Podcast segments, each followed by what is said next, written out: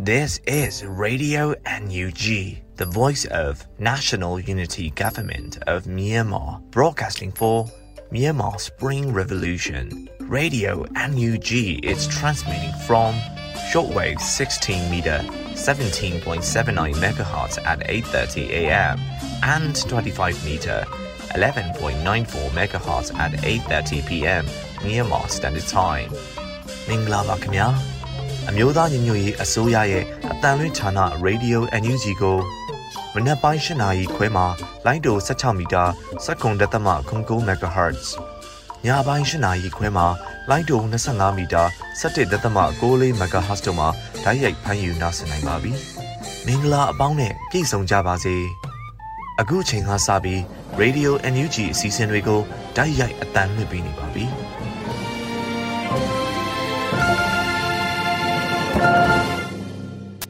မြန်မာနိုင်ငံသူနိုင်ငံသားအပေါင်းတဘာဝပြီးစစ်အာဏာရှင်ဘေးတို့ကနေကင်းဝေးပြီးကိုစိတ်နှပါကြမ်းမှလုံခြုံကြပါစေလို့ Radio NUG အဖွဲ့သားများကဆုတောင်းမေတ္တာပို့သလိုက်ရပါတယ်ရှင်။ကာကွယ်ဝင်ကြီးဌာနရဲ့စီရေးတရေအချင်းချုပ်ကိုရန်နိုင်မှတင်ဆက်ပေးမှာဖြစ်ပါတယ်ရှင်။ကာကွယ်ဝင်ကြီးဌာနအမျိုးသားညီညွတ်ရေးဆိုရမှာထုတ်ဝေတဲ့နိုင်စဉ်စီရေးတရေအချင်းချုပ်ကိုကျွန်တော်ရန်နိုင်ကတင်ဆက်ပေးပါတော့မယ်။ စစ်ကောင်စီနဲ့တိုက်ပွဲဖြစ်ပွားမှုအခြေအနေကိုတင်ဆက်ပေးကြပါမယ်။ကချင်ပြည်နယ်မှာဖေဖော်ဝါရီလ18ရက်နေ့နေ့လယ်3နာရီချိန်ခန့်ကဘူတာဝန်မြို့နယ်စွမ်ပီယန်ဂျေးရွာနီးရှိရှမ်ကန်တောင်စစ်ကောင်စီခြေဆိုင်ဖြူဟာကုန်းကိုပြည်သူ့ကာကွယ်ရေးတပ်ပေါင်းစုကဝင်ရောက်တိုက်ခတ်ခဲ့တယ်လို့သိရှိရပါတယ်ခင်ဗျာ။စကိုင်းတိုင်းမှာတော့ဖေဖော်ဝါရီလ18ရက်နေ့မနက်10:00နာရီချိန်ခန့်ကခင်ဦးမြို့နယ်ပြူစောတိကောင်းဆောင်ဦးအေးကိုပါဝင်တဲ့စစ်ကောင်စီရဲပြူအင်အား80ဦးက ကား၅စီးစိုက်ကဲ၈စီးနဲ့မြို့သစ်ကြီးရွာကိုဝင်ရောက်ခဲ့ပြီးဒေသခံကာကွယ်ရေးဖွဲ့များနဲ့ထိတွေ့တိုက်ပွဲ၄နာရီကြာဖြစ်ပွားခဲ့ရမှာစစ်ကောင်စီဘက်မှလက်နက်ကြီးလက်နက်ငယ်များဖြင့်ပစ်ခတ်ခဲ့တဲ့အတွက်ဒေသခံကာကွယ်ရေးအဖွဲ့မှရဲဘော်၁၄ဦးတေဆုံးခဲ့ပြီး9ဦးပြင်းထန်ဒဏ်ရာရရှိခဲ့ပါတယ်ဖေဖော်ဝါရီလ18ရက်နေ့နေ့လယ်12:30မိနစ်30ချိန်ခန့်ကတမူးမြို့နယ်အစိုးရနီးပညာတက်တန်းကျောင်း GDHS မှာ စစ်ကောင်စီတပ်သားများနဲ့ပြည်သူ့ကာကွယ်ရေးတပ်ပေါင်းစုများကြား9နာရီကြာထိတွေ့တိုက်ပွဲဖြစ်ပွားခဲ့ရာစစ်ကောင်စီတပ်သား6ဦးသေဆုံးပြီးအများပြားဒဏ်ရာရရှိခဲ့ကပြည်သူ့ကာကွယ်ရေးတပ်သား2ဦးလက်နက်ကြီးစထိမှန်ဒဏ်ရာရရှိခဲ့ပါတယ်ခင်ဗျာပဲခူးတိုင်းမှာဖေဖော်ဝါရီလ18ရက်နေ့ညနေပိုင်းကနတ်တလင်းမြို့နယ်အရှိတ်ပဲခူးရိုးမှအဆက်မှာစစ်ကြောင်းသွားနေတဲ့စစ်ကောင်စီများကို Phoenix DF မှမိုင်းဆွဲတိုက်ခိုက်ခဲ့ရာစစ်ကောင်စီတပ်သား9ဦးသေဆုံးသွားခဲ့တယ်လို့သိရှိရပါတယ်ခင်ဗျာဆက်လက်ပြီးတော့စစ်ကောင်စီကကျူးလွန်တဲ့ရာဇဝတ်မှုများကိုလည်းတင်ဆက်ပေးကြပါမယ်ချင်းပြည်နယ်မှာဖေဖော်ဝါရီလ18ရက်နေ့ကမင်းတပ်မြို့နယ်ဝမ်မသူရွာရှိတိုက်နယ်ဆေးရုံမှပစ္စည်းများကိုစစ်ကောင်စီတပ်မှမိရှို့ဖျက်ဆီးခဲ့တယ်လို့သိရှိရပါတယ်ခင်ဗျာရှမ်းပြည်နယ်မှာဖေဖော်ဝါရီလ18ရက်နေ့မနက်7:00နာရီချိန်ခန့်ကဖဲခုံမြို့နယ်မိုးပြဲမြို့မှာအင်ဂျီပေါင်း 200ကျော်ရှိတဲ့ဝါရီဆူးပလိုင်ရွာကိုစစ်ကောင်စီတပ်မှမိရှုတဲ့အတွက်နေအိမ်များပြာကျနေပြီးဘုရားကျောင်းအရှိရက်ဘက်မြေနီကုန်းရက်ကွက်နဲ့ဘုရားကျောင်းအနောက်မြောက်လမ်းလေရက်ကွက်ဘက်မှာမီးပုံများတယ်လို့သိရှိရပါတယ်။ဗေဗိုင်လာဆက်ရှင်တွေကလာရှုမြို့နယ်မိုင်းရော်တိုက်နယ်ဘက်ကိုတိုက်ပွဲရှောင်ကြတဲ့ပနန်းကျေးရွာကန်များရွာသို့ပြန်လာစဉ်လုံတက်ကျေးရွာအဝင်သားတဝိုက်မှာလက်နက်ကြီးများနဲ့ပစ်ခတ်ခံရပြီးဒေါ်အေးမြ30နှစ်နဲ့ဒေါ်အေးကျော်30နှစ်တို့ဟာ နေရာမှာတင်ပွဲချင်းပြီးဆုံးပါသွားခဲ့ရပြီး9နှစ်အရွယ်လွေးအေးကြံမှာမိုင်းရော်ဆေးရုံအရောက်မှာတည်ဆုံးသွားခဲ့ရပါတယ်။ဒဏ်ရာရရှိထားသူ9ဦးဟာလွေးအေးစိန်26နှစ်လွေးအေးလော့28နှစ်လွေးအေးမန်20နှစ်လွေးအေးခမ်18နှစ်နဲ့မိုင်းအာလာ32နှစ်တို့မှာဒဏ်ရာအခြေအနေစိုးရိမ်ရခြင်းကြောင့်မိုင်းရော်ဆေးရုံမှလာရှိုးဆေးရုံသို့ညာရင်းချင်းလွှဲပေးလိုက်ရတယ်လို့သိရှိရပါတယ်ခင်ဗျာ။ စကိုင်းတိုင်းမှာတော့ဖေဖော်ဝါရီလ18ရက်နေ့မနက်9:00နာရီခန့်ကမလဲမြို့နယ်ချောင်းဦးကျေးရွာအင်ဂျီ400ကျော်ကိုစစ်ကောင်စီတပ်သားများကမိရှို့ဖျက်ဆီးခဲ့ကြပါတယ်။ဖေဖော်ဝါရီလ18ရက်နေ့မနက်7:30မိနစ်30ချိန်ခန့်ကခင်ဦးမြို့နယ်ခင်ဦးမြို့ရှိကုံစုံဆိုင်ပိုင်ရှင်ဒေါ်အေးမှုကိုစစ်ကောင်စီအင်အား10ဦးခန့်ကကားနှစ်စီးနဲ့လာရောက်ဖမ်းဆီးခေါ်ဆောင်သွားခဲ့ပါတယ်။ဖေဖော်ဝါရီလ19ရက်နေ့ကဖောင်းပြည်မြို့နယ်ဖောင်းပြည်မြို့မင်းမော်ဒန်စန်တာဆိုင်အား စစ်ကောင်စီတပ်သားများဝင်ရောက်ပြီးလူငယ်6ဦးကိုဖမ်းဆီးခဲ့ကြပါတယ်ခင်ဗျာမန္တလေးတိုင်းမှာဖေဖော်ဝါရီလ18ရက်နေ့နေ့လယ်12:15မိနစ်အချိန်ခန့်ကစင်ကူးမြို့နယ်ရွာသေးကြီးရွာရှိဦးတင်ဝင်းဦးတောင်ထေဦးစောဝင်းအောင်ဦးဖိုးစောသွားစီအောင်နဲ့ဇနီးမမမွန်ဆိုစင်ကူးစေယုံမှ CDM တူနာပြုဆရာမနဲ့ NLD လူငယ်ပါတီတာဝန်ခံကိုဇော်တင်းဦးတို့ကိုစစ်ကောင်စီများကဖမ်းဆီးခေါ်ဆောင်သွားခဲ့ပါတယ်။ ဖေဖော်ဝါရီလ19ရက်နေ့နေ့လယ်3နာရီချိန်ကမြင်းကြံမြို့နယ်စာကျူးရွာကိုစစ်ကောင်စီများကားသေးဖြင့်အင်အား15ဦးခန့်ရောက်လာကရွာထဲရှိအိမ်များတွေကိုဝင်ပြီးရွာသူရွာသား6ဦးကိုလက်ပြန်ကျိုးတုပ်မျက်နှာဝန်းမဲများစီးကရွာမြောက်ဘက်နားသို့ဖမ်းဆီးခေါ်ဆောင်သွားခဲ့ပါတယ်။အဖမ်းခံရသူများမှာ NLD ပါတီဝင်၄ဦး CDM ဆီယာမရဲ့မိခင်တဦးနဲ့ CDM ဆီယာတဦးရဲ့ဖခင်တဦးတို့ဖြစ်ကြပါတယ်။ ဖေဖော်ဝါရီလ19ရက်နေ့ညနေပိုင်းကမြင်းချံမြို့နယ်ညောင်လူကြီးရွာမှာစစ်ကောင်စီလက်အောက်ခံပြူစောတိများကတိုင်ကြားတဲ့အတွက်ကြောင့်ဥအောင်ညွန့်ကိုစာတင်ကျောင်းမှာတက်ဆွဲထားတဲ့စစ်ကောင်စီများက၎င်းတို့တက်ဆွဲထားတဲ့စာတင်ကျောင်းတဲကိုခေါ်ယူရိုက်နှက်ခဲ့ပြီးည9:00နာရီမှာအလောင်းအားလမ်းဘေးမှာပစ်ထားခဲ့ကြပါတယ်ခင်ဗျာရန်ကုန်တိုင်းမှာဖေဖော်ဝါရီလ18ရက်နေ့ကဒဂုံမြို့သစ်ရှေးပိုင်းမြို့နယ်ဒဂုံတက္ကသိုလ်အင်ဂျင်နီယာဌာနမှဆရာကြီးဦးထွန်းအောင်ကို လူမှုကွန်ရက်ပေါ်မှာစန့်ကျင်စာများရေးတယ်လို့ဆိုကစစ်ကောင်စီများကအကြမ်းဖက်ဖမ်းဆီးသွားခဲ့ပါတယ်ခင်ဗျာအထွေထွေသတင်းအနေနဲ့ဖေဖော်ဝါရီလ18ရက်နေ့က KNY Democratic တပ်ဦး KDF နဲ့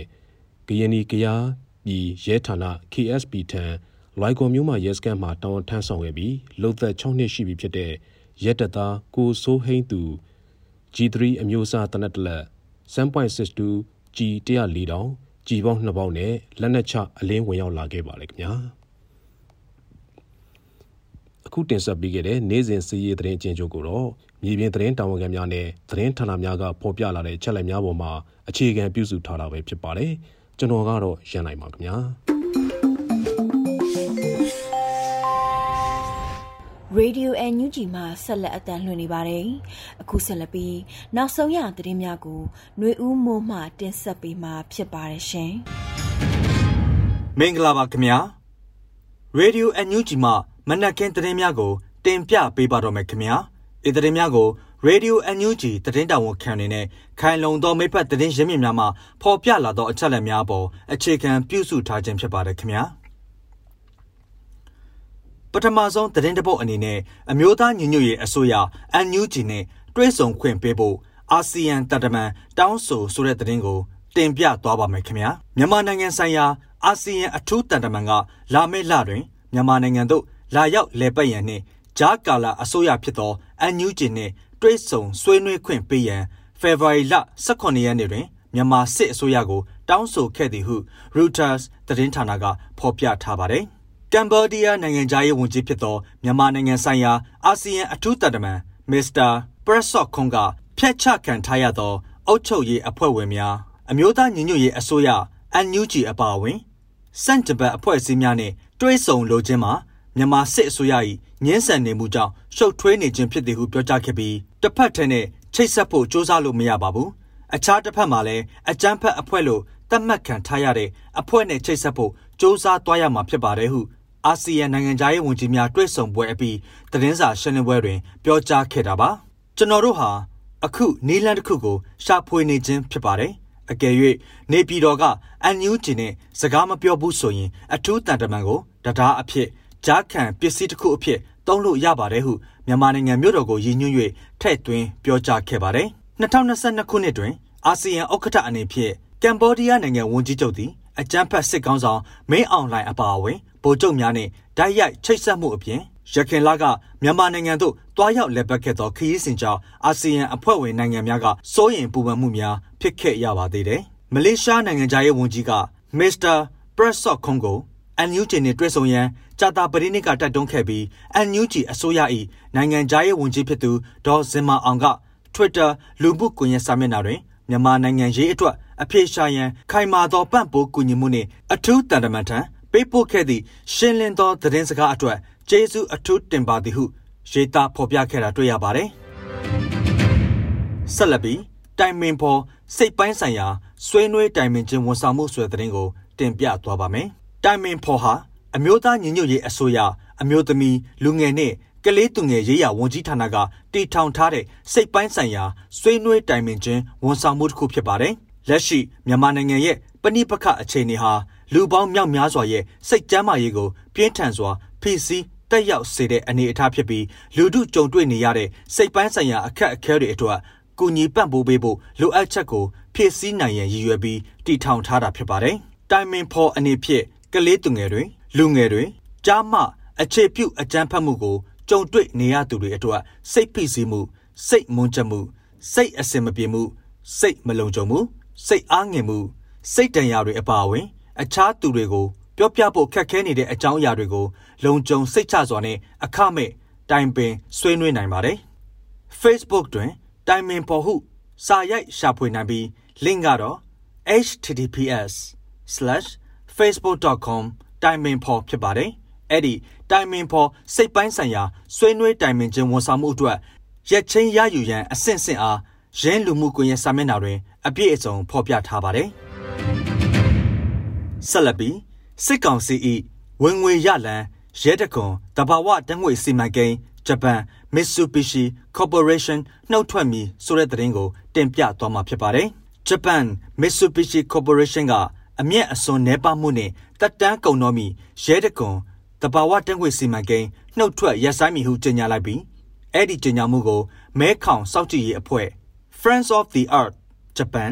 FOE Japan နဲ့ Justice for Myanmar JFM တို့ကကြိုဆိုလိုက်ပါတယ်။မြန်မာနိုင်ငံရှိရဲတကွန်တန်းငွေစီမံကိန်းမှနှုတ်ထွက်မည်ဟု Mitsubishi Corporation ကကြေညာလိုက်ပြီးတန်းငွေတွင်တက်တန်းကုန်စိုးလူနီးပါးခြင်းတွင်အမျက်အစွန်များနှဲပါမှုကိုအကြောင်းပြထားတာပါ။စောင့်ကြည့်လေ့လာရေးအဖွဲ့များက Mitsubishi Company အနေဖြင့်တာဝန်သိစွာဖြင့်စီမံကိန်းမှထွက်ခွာရန်နှင့်စီမံကိန်းနှင့်ဆက်ဆက်နေသောလူအခွင့်အရေးချိုးဖောက်မှုများနောက်ဆက်တွဲမဖြစ်ပွားစေရေးတိုက်တွန်းထားပါတယ်။ဒါအပြင်အခုလို တာဝန်သိနှုတ်ထွက်မှုတွင် Mitsubishi Corporation အနေဖြင့်ရဲတကွန်မှရရှိသောအခွန်များကိုစစ်ကောင်စီသို့ပေးဆောင်ခြင်းမပြုရန်နှင့်စစ်တပ်သည်ရင်းငွေကြေးများကိုလက်နက်များဝယ်ယူပြီးပြည်သူကိုအကြမ်းဖက်တပ်ဖက်ရာတွင်အတုံးမပြုစေရန်လှုံ့ဆော်ရမည်ဟုတိုက်တွန်းထားသည်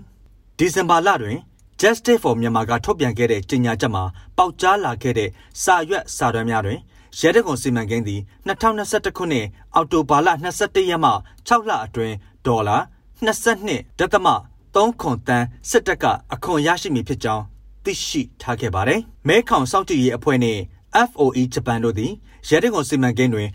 Mitsubishi နှင့်အခြားဂျပန်ပါဝင်ပတ်သက်သူများထံစီမံကိန်းမှရရှိသောဝင်ငွေများကိုစစ်တပ်သို့မစည်းစင်းစေရန်နှင့် project နှင့်ဆက်ဆက်ပြီးပေးဆောင်ထားတဲ့ငွေပေးချေမှုများသို့မဟုတ်စီမံကိန်းနှင့်ဆက်လျင်းပြီးအချက်အလက်များထုတ်ဖော်ပေးရန်တောင်းဆိုထားပါတယ်။ ဒါပေမဲ့ Mitsubishi နှင့်အခြားပါဝင်ပတ်သက်သူများသည်အဆိုပါအချက်နှစ်ချက်လုံးကိုဆောင်ရွက်ရန်ပြက်ကွက်ခဲ့ပါတယ်။ဇန်နဝါရီလတွင်မဲခေါင်စောင့်ကြည့်ရေးအဖွဲ့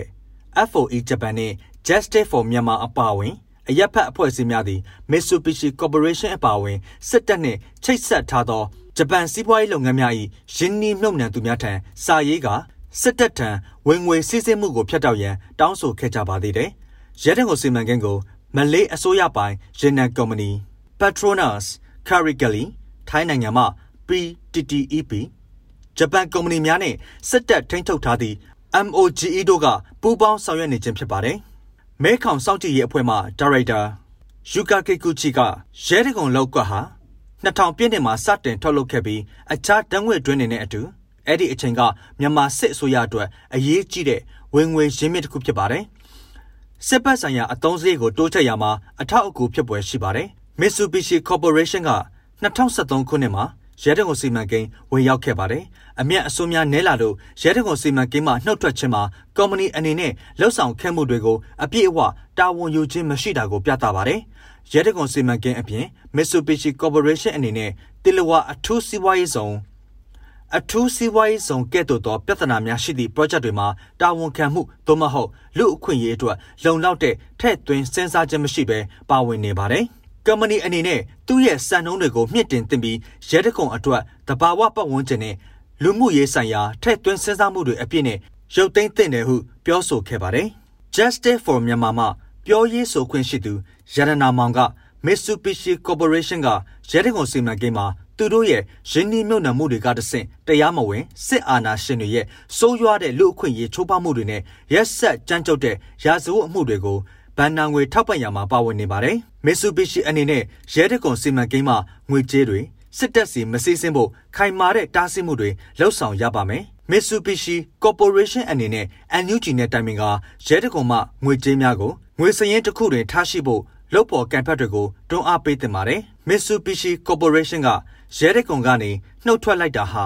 Petronas နဲ့ PTTEP အပါအဝင်ဒီစီမံကိန်းမှာအကြီးဆုံးရှယ်ယာရှင်တွေဖြစ်တဲ့မလေးရှားနဲ့ထိုင်းအစိုးရတွေကိုပြင်းပြင်းထန်ထန်သတင်းစကားပေးပို့တင်ပါတယ်။ထိုင်းနဲ့မလေးရှားတို့ရဲ့စီးပွားရေးလုပ်ငန်းတွေအနေနဲ့စစ်ကောင်စီနဲ့အလွတ်လုပ်ချင်းကအာဆီယံရဲ့အချက်၅ချက်ပါသဘောတူညီချက်ကိုပြပြစေပြီးစစ်တပ်ရဲ့တပ်ဖြတ်မှုတွေကိုပံ့ပိုးနေတာဖြစ်ပါတယ်ဟုပြောဆိုထားပါတယ်။ Radio NUG မှာဆက်လက်အသံလွှင့်နေပါတယ်။အခုဆက်လက်ပြီးနေ့စဉ်သတင်းများကို မျိုးတော်တာမှ တင်ဆက်ပေးမှာဖြစ်ပါတယ်ရှင်။ပထမဆုံးတင်ဆက်ပေးမှာကတော့နှစ်လအတွင်း NUG ကာကွယ်ရေးဝန်ကြီးဌာနက အမေရိကန်ဒေါ်လာ6သိန်းကျော်ကိုပြည်သူ့ကာကွယ်ရေးအင်အားစုတွေကိုခွဲဝေပေးနိုင်ခဲ့တယ်လို့ကာကွယ်ရေးဝန်ကြီးဌာနကသတင်းထုတ်ပြန်လိုက်တဲ့ဆိုတဲ့သတင်းကိုတင်ဆက်ပေးပါမယ်။များပြားလာတဲ့ပြည်သူ့ကာကွယ်ရေးရဲဘော်တွေကိုလာစဉ်ထောက်ပံ့ပေးနိုင်ရင်ရည်မှန်းချက်ကိုပြည့်မီဖို့အတွက်များစွာဝေးကွာနေသေးပေမဲ့လည်းမိသားစုတွေရဲ့လာစဉ်ထောက်ပံ့မှုတွေကြောင့်ကာကွယ်ရေးဖွဲ့စည်းတွေအတွက်လိုအပ်ချက်တချို့ကိုတိုက်ရိုက်ဖြည့်ဆည်းပေးနိုင်ခဲ့ပြီးစိတ်တက်ခွန်အားကိုပါတိုးမြှင့်စေခဲ့တယ်လို့ဆိုပါတယ်။ ပြည်သူ့ကာကွယ်ရေးတပ်သားတယောက်ပြောတာကပြည်သူတော်လှန်ရေးမိသားစုအစီအစဉ်ကကျွန်တော်တို့လိုဖက်စစ်စစ်တပ်ကိုတော်လှန်ခြင်းစိတ်တစ်ခုတည်းနဲ့အိမ်ကစွန့်ခွာလာသူများအတွက်လက်တွေ့အကျိုးပြုတဲ့စီစဉ်မှာပဲမိသားစုများအားလုံးကြမ်းမာကြပါစေလို့ဆုတောင်းမေတ္တာပို့ပါတယ်ဆက်လက်ပါဝင်ပေးကြပါအောင်လို့ပြောပါတယ်ဆက်လက်တင်ဆက်ပေးမှာကတော့အမျိုးသားညွရေးအစိုးရကာကွယ်ရေးဝန်ကြီးဌာနက မြန်မာမျိုးသားဒီမိုကရက်တစ်မဟာမိတ်တပ်မတော် MNDAA ထံသို့ဝန်내ကြောင်းသဝန်လွှာပေးပို့လိုက်တဲ့ဆိုတဲ့သတင်းမှာအမျိုးသားညွရေးအစိုးရကာကွယ်ရေးဝန်ကြီးဌာနကဖေဖော်ဝါရီ16ရက်စွဲနဲ့မြန်မာအမျိုးသားဒီမိုကရက်တစ်မဟာမိတ်တပ်မတော် MNDAA ထံသို့ဝန်내ကြောင်းသဝန်လွှာပေးပို့လိုက်ပါတယ်။ တဝန်လွှာထဲမှာမြန်မာမျိုးသားဒီမိုကရက်တစ်မဟာမိတ်တမတော် MNDAA တီထောင်သူနဲ့ဥက္ကဋ္ဌဟောင်းဖြစ်သူဖုန်ကြားရှင်လူကြီးယောဂါနဲ့ကွယ်လွန်သွားကြောင်းကြားသိရတဲ့အတွက်လူကြီးမင်းတို့တော်လိုင်းရေးအင်အားစုနဲ့ထပ်တူဝန်နဲ့ပူဆွေးမိပါတယ်။ နှစ်ပေါင်းများစွာကြာမိမိယုံကြည်ရာတော်လှန်ရေးခရီးလမ်းကိုရှောင်လန်းခဲ့ကြတဲ့မြန်မာမျိုးသားဒီမိုကရက်တစ်မဟာမိတ်တမတော် MNDAA တီထောင်သူနဲ့ဥက္ကဋ္ဌဟောင်းဖြစ်သူဖုန်ကြားရှင်ကောင်းမွန်စွာအနားယူနိုင်ပါစေကြောင်းစုမုံကောင်းတောင်းရင်ဤသဝန်လွှာကိုပေးပို့အပ်ပါတယ်လို့ဖော်ပြထားပါတယ်။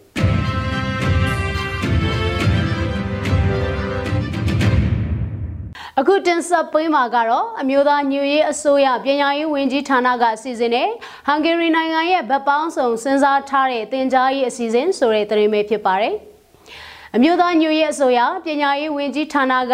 သင်ခန်းစာယူနိုင်မြဖြစ်ရဟန်ဂေရီနိုင်ငံရဲ့ဗပောင်းဆောင်စဉ်းစားထားသောသင်ကြားရေးအစီအစဉ် Case Study The Hungarian Complex Instruction Program CIP ကိုပြုလုပ်ဖို့စီစဉ်ထားပါတယ်။ အခုပို့ချမဲ့ public lecture ကိုနိုင်ငံတကာပညာရေးပညာရှင်တဦးက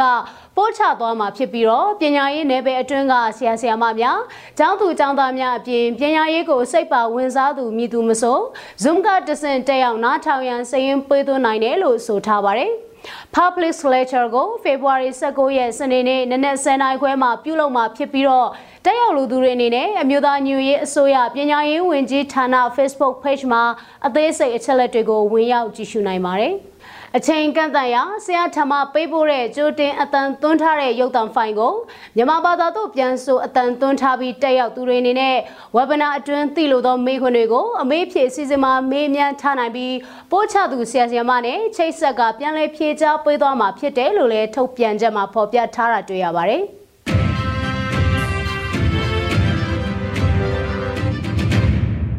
အကြမ်းဖက်စစ်ကောင်စီကစေယုံတွေကိုချိတ်ပိတ်တာနဲ့မိရှို့တာတွေပြုလုပ်နေတယ်ဆိုတဲ့သတင်းကိုတင်ဆက်ပေးပါမယ်။အကြမ်းဖက်စစ်ကောင်စီတပ်တွေကစေယုံတွေကိုချိတ်ပိတ်တာတွေနဲ့မိရှို့ဖျက်ဆီးတာတွေပြုလုပ်နေပါတယ်။ပြီးခဲ့တဲ့ရက်ပိုင်းကပဲကော့ဂရိတ်မြို့နယ်ကစေယုံတယုံကိုချိတ်ပိတ်မှုတွေပြုလုပ်ခဲ့ပြီးစေယုံအုပ်ကြီးအင်ကိုပါ CTM လုပ်တဲ့ဆိုတဲ့အကြောင်းပြချက်တွေနဲ့ချိတ်ပိတ်ခဲ့တာပါ။ အခုလည်းချင်းပြည်နယ်မင်းတပ်မြို့ဝမသူရွာတိုက်နယ်စေယုံကပစ္စည်းတွေကိုအကြမ်းဖက်စစ်တပ်ကမီးရှို့ဖျက်ဆီးမှုတွေလုပ်နေတယ်လို့ဒေသခံတွေကပြောပါတယ်။ဒါနဲ့ဆိုရင်ဝမသူရွာထဲကိုစစ်တောင်းကဝင်လာလိုက်ဖျက်ဆီးသွားလိုက် ပြန်သွားလိုက်နဲ့၃ချိန်ရှိနေပြီအခုလဲစိမ်းုံနာမှာပစ္စည်းတွေပုံပြီးမိရှို့ဖျက်ဆီးနေတဲ့တဲ့ဝမတူရွာမှာကတိုက်နယ်စိမ်းုံလဲရှိတယ် CTM ဆရာဝန်တွေကဒီရွာမှာအခြေစိုက်ပြီးကျန်းမာရေးလုပ်ငန်းတွေဆောင်ရွက်နေတာကိုစစ်တပ်ကသိလို့ဖြစ်မယ်လို့ဒေသခံသတင်းရင်းမြစ်က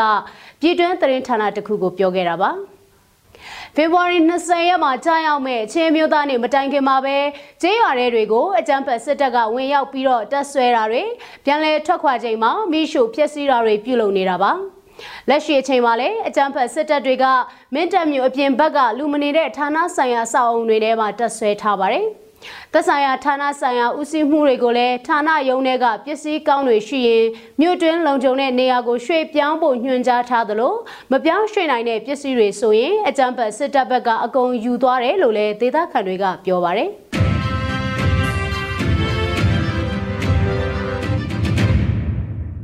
ဆက်လက်ပြီးတော့စစ်ကောင်စီထုတ်ကုန်တွေတင်သွင်းတယ်ယူရောင်းချရင်အရေးယူမယ်လို့ကံကောပအဖထုတ်ပြန်လိုက်တဲ့ဆိုတဲ့သတင်းကိုတင်ဆက်ပေးပါမယ်။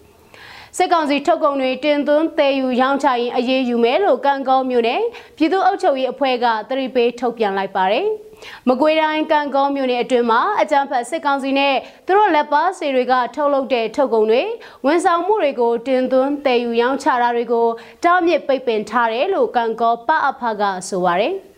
အခုထုတ်ပြန်တဲ့ကြေညာချက်မှာတင်သွင်းတယ်ယူရောင်းချခွင့်ပိတ်ပင်တားမြစ်ထားတဲ့စစ်ကောင်စီထုတ်ကုန်တွေဖြစ်တဲ့အရက်ဘီယာအချိုရည်များစိတ်လိမ်များစားတောက်ကုန်နဲ့လူသုံးကုန်တွေမိုက်တာဆမ်ကနဲ့ငွေဖြည့်ကတ်တွေဘီလက်မြေပါဝင်စစ်တပ်နဲ့ဆက်နွယ်ကုမ္ပဏီတွေအမည်မဲစရင်မှာကုမ္ပဏီတွေကထုတ်လုပ်တဲ့ကုန်ပစ္စည်းနဲ့ဝန်ဆောင်မှုလုပ်ငန်းတွေကိုတားမြစ်ထားတာဖြစ်ပါတယ်။ ထုတ်ပြန်ချက်မှာပါရှိတဲ့တားမြစ်ထုတ်ကုန်တွေကိုတင်သွင်းတည်ယူရောင်းချတာတွေ့ရှိရင်ပြည်သူ့ကာကွယ်ရေးတပ်ဖွဲ့တွေကနေတဆင့်ဥပဒေနဲ့အညီထိထိရောက်ရောက်အရေးယူသွားမယ်လို့ထုတ်ပြန်ချက်မှာဖော်ပြထားပါတယ်။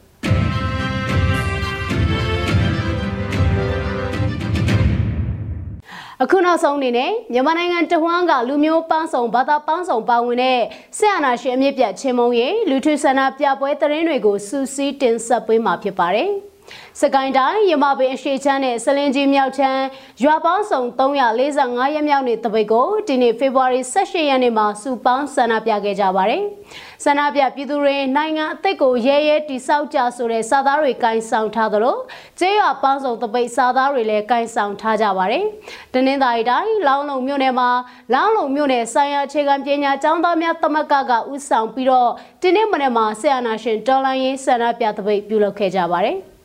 ဆန္ဒပြပြည်သူတွေကအာဏာရှင်စနစ်ကြာရှုံးဖို့ပြည်သူတွေအားလုံးစီလုံးစုံစာသားတွေကင်ဆွဲပြီးဆရာနာရှင်ကြာရှုံးရေးဟစ်ကြွေးဆန္ဒပြခဲ့ကြသလိုပြည်သူတွေကိုလည်းစီလုံးစွာနဲ့ဆရာနာရှင်ကိုတိုက်ထုတ်ဖို့ဆန္ဒပြတပိတ်မှောက်ခဲ့ကြတာပါ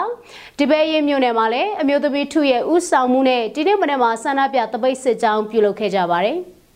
လက်ပတောင်းထောင်သေဒကပင်မတပိတ်ကောင်းဆောင်တဦးအနောက်မြောက်လုံပြင်းသေဒတပိတ်ကောင်းဆောင်လူငယ်တဦးနဲ့မုံရောင်လူငယ်များအစည်းအရုံးကလာရောက်ပူပေါင်းပြီးနိုင်ငံသက်ကိုရဲရဲတိဆောက်ကြဟုသောကောင်းစဉ်နဲ့အကြမ်းဖက်ဖက်စစ်ဆီယနာရှင်စနစ်အပိတိုင်ခြုံရင်ရေးဟစ်ကျွေးတန်တွေနဲ့ဆန္ဒပြတပိတ်စစ်ကြောင်းလှည့်လည်ခဲ့ကြတာပါ စကိုင်းတိုင်းကလေးမြို့နယ်ကလည်းတော်လန်နဲ့ចောင်းသားပြည်သူတွေစုပေါင်းပြီးတော့ဒီနေ့မှာ386ရက်မြောက်နေ့တပိတ်အဖြစ်နဲ့ဆန္ဒပြလှည့်လည်ခဲ့ကြပါတယ်။ဆန္ဒပြပြည်သူတွေကအာတင်တာခင်ဦးမင်းနဲ့အတူကလေးရှိတယ်။အာတင်တာမိုးပြဲမင်းနဲ့အတူကလေးရှိတယ်ဆိုတဲ့စာသားတွေကင်ဆောင်ပြီးဆန္ဒပြခဲ့ကြတာပါ။ ကချင်ပြည်နယ်ဖားကမှာလည်းဆီယနာရှင်စန့်ကျင်တဲ့ KIA PTF NUG ထောက်ကန်တဲ့ဆန္ဒပြလှည့်လည်မှုတွေကိုဒီနေ့မှပြုလုပ်ခဲ့ကြပါတယ်။အင်တာနက်ဖြတ်တောက်ခံထားရတဲ့ဖားကန်ရဲ့ဆန္ဒပြပြည်သူတွေက KIA နဲ့ PDF တိုက်ပွဲတိုင်းမှာနိုင်ပါစေ NUG အစိုးရတို့အစိုးရ Federal ပြည်ထောင်စုပပောက်ရေးတို့အရေး Federal တပ်မတော်ပပောက်ရေးတို့အရေးအကြမ်းဖက်စစ်တပ်လုံးဝအုပ်ချုပ်ခွင့်မရစေရအင်တာနက်ဖြတ်တဲ့မင်းအောင်လိုင်းအဖွဲ့အသေးဆုံးနဲ့သေပါစေ။နှွေဦးတော်လိုင်းရေးအရေးတော်ပုံအောင်ကိုအောင်ရမည်ဆိုတဲ့ကြွေးကြော်သံတွေဟစ်ကြွေးပြီးဆန္ဒပြချီတက်ခဲ့ကြတာလည်းဖြစ်ပါတယ်။ ဒါကတော့ဖေဖော်ဝါရီ18ရက်နေ့ဆရာနာရှင်အမြင့်ပြတ်ချင်းမုံရင်လူထုဆန္ဒပြပွဲသတင်းတွေကိုစူးစီးတင်ဆက်ပေးခဲ့တာပဲဖြစ်ပါတယ်။ကျေးဇူးတင်ပါတယ်ရှင်။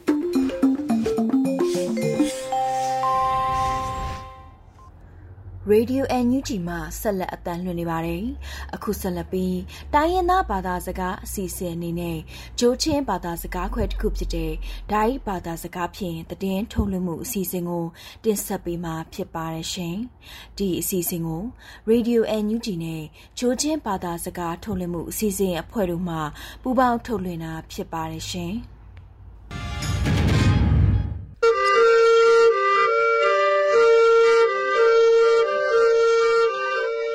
Radio NUG Cho program dai bel thai lu nak sunga ki no ba phoina ningya ye naw ni tungwai khokum thong hi kunam ko yang hi sim khang kha am hnup halik ko lom hnup tungwai wi sup ra ya thu thang ye sun ke dai salai no kaning yam the lok khaya ka kini aksu sukang thu thang ta CTF batu no the pui sakhan tulu setsa mathiki tia thanga ka kini batu palewa lamungka the pui sakhan sun CTF batu no simkhangka amnum halik khukung atuka kaki asua sesa mathikya kaki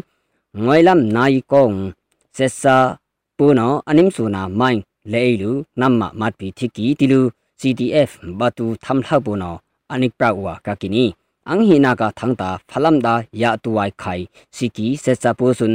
mainton mkuya poksi ulu sesa thumthiki tia thanga kakini simkhangkha amnum haling hiung ဖလမ်လူငေါကီခလာယဟိချောက်ရှိတုံအေအကူကပ်ယာသာကီဇက်ဆပ်ပွဲအနင်းလတ်လောဘဲလာမာ CNDF နော်မိုင်းအပေါက်စီယာကာကီဇက်ဆပ်ထုံချီလူအကလမ်ဒုံဒါကီတယာဟုံယာကာကာကီနီသန်ဆောင်နမုံညာစင်းယောင်ကြီးလက်စီမံကိန်းနော်အယပွာငွေအတိငါဖရာခုကီပီဇက်ဆပ်ပိုးနော်အနင်းပုတ်အီဝါကာကီလမ်ပီယာငဆောင်ဆက်ကီနာမေအူမာကူကပ်ပီ อันนี้อันปลุกเอวากากินีมไซคอสักขนาเวกีงากันปีเซซาปูโนอันิกปรอกปรากากากินีอักทุมนากาทังตาเซซาปูโนมินตันเฮียตุกนักตุนอีรเบตุกีเตียทังอากากินีเซซาปูสุนซิมคังคราฮัลิคุกุงวอมซุงนามาวางโลอูลูซีตีเตนังหุนพุงกีกองยาเซยุงาหุนงอกเยกากีเซซาปูโนอักตุงบอกาวอม နမ်အီမေယာဆေယုံကောင်းအီမေပီဆန်ဟက်ဒမုံအနိယကခယာကကီဝမ်ဆုံနမ်ဆွန်းမင်းအောင်ထိုင်းနောအပုခေါငါ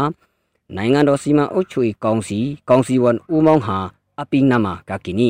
ဦးမောင်ဟာဆွန်းခရုခဘေခေါင်မက်ဒမ်လတ်လိုက်မောကောင်းဝန်ပထမအစင်တရူမဟာတရေစီတူဝမ်ဆုမောင်ငါအစာကကီနီအခုနာကထန်တာ ဖလမ်စေနန်လမဇက်ဆာယာကမန်ယာပေါ့စီအူလူဇက်ဆာဟာတိကီတယာထငါကကီနီစင်ခန်ခါဟလင်ဟန်ဖလမခုလောဘေကီဇက်ဆာယာကဆွန် CTMC ရင်ဂျာ PDF ဆိုလနောမိုင်းအနိယပေါ့စီအာကကီဇက်ဆာဟာတိလူအကလမ်ဒွမ်ဒါကီယာကကီနီပခေါက်ဆုံကပ်ကီဒုပိုအေ CTF ဒါလမ်နာခုဘေကီယာထုံဒါနောင်ဘေကီတီလူဖုံယာကာကကီနီ am hana ka thang ta bakhoa na sen atanam hang pui kia khang atana halik phu ya ku i wai thu kini tilu unicef no apena mong kanin yam thelo khaya ka ki am pa pe ya sun apu ya covid ye rai ave ya phu brain se khui kha nung lo lu na sen atanam hang pui kia atana halik phu brain i wai thu ki tilu unicef no apena ka kini khu kho ကချင်ကရကရင်ရှာမကွေဇကန်ယာတနင်တာရီခုံပေအားဆွန်းအပူအဖုနှိုမင်းဟာဆန်အတိငါထုံကနုံတောင်းဟီယာဖရကောစန်အီလူခွေခါကီခေါ်ဟာဝက်ကီတီလူဟွန်ရာကကီနီတူအုံခွေခါနိုယိုင်အုံယူနီဆက်မြန်မာနော်ကမ်ပန်အီကီ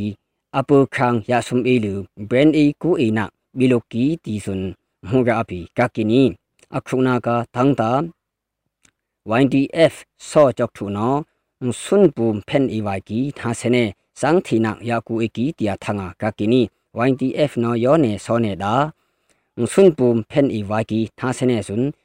ဒီကနေ့ကတော့ဒီညနေပဲ Radio NUG ရဲ့အစည်းအဝေးတွေကိုခਿੱတရနာလိုက်ပါမယ် မြန်မာစံတော်ချိန်မနက်၈နာရီခွဲနဲ့ည၈နာရီခွဲအချိန်တွေမှာပြန်လည်ဆုံးဖြတ်ကြပါစို့ Radio NUG ကိုမနက်ပိုင်း၈နာရီခွဲမှာလိုင်းဒို16မီတာ7.3 MHz ညပိုင်း၈နာရီခွဲမှာလိုင်းဒို25မီတာ17.6 MHz တို့မှာဓာတ်ရိုက်ဖမ်းယူနိုင်နိုင်ပါပြီမြန်မာနိုင်ငံသူနိုင်ငံသားများကိုယ်စိတ်နှပြကျမ်းမာချမ်းသာလို့ဘေးကင်းလုံခြုံကြပါစေလို့ Radio NUG အဖွဲ့သူအဖွဲ့သားများကဆုတောင်းလိုက်ရပါတယ်။အမျိုးသားညီညွတ်ရေးအစိုးရရဲ့စက်သွေးရေးတရင်အချက်အလက်နဲ့ဤပညာဝန်ကြီးဌာနကထုတ်လွှင့်နေတဲ့ Radio NUG ဖြစ်ပါတယ်။ San Francisco Bay Area အခြေစိုက်မြန်မာမိသားစုများနဲ့နိုင်ငံတကာကစေတနာရှင်များလှုပ်အားပေးများရဲ့ Radio NUG ဖြစ်ပါတယ်။အရေးတော်ပုံအောင်ရမည်